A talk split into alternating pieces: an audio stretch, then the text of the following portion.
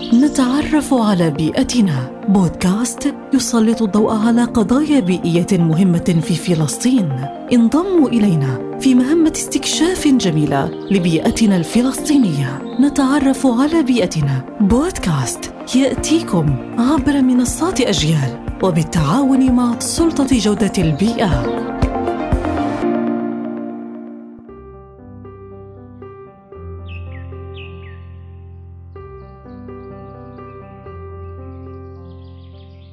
الزراعة والاستدامة. ينبغي للزراعة لكي تكون مستدامة أن تلبي احتياجات الأجيال حاضرا ومستقبلا مع ضمان الربحية وصحة البيئة والإنصاف الاجتماعي والاقتصادي. وتسهم استدامة الزراعة في الركائز الأربع للأمن الغذائي كافة وهي توافر الأغذية والحصول عليها واستخدامها واستقرارها. وفي أبعاد الاستدامة الثلاثة البيئية والاجتماعية والاقتصادية.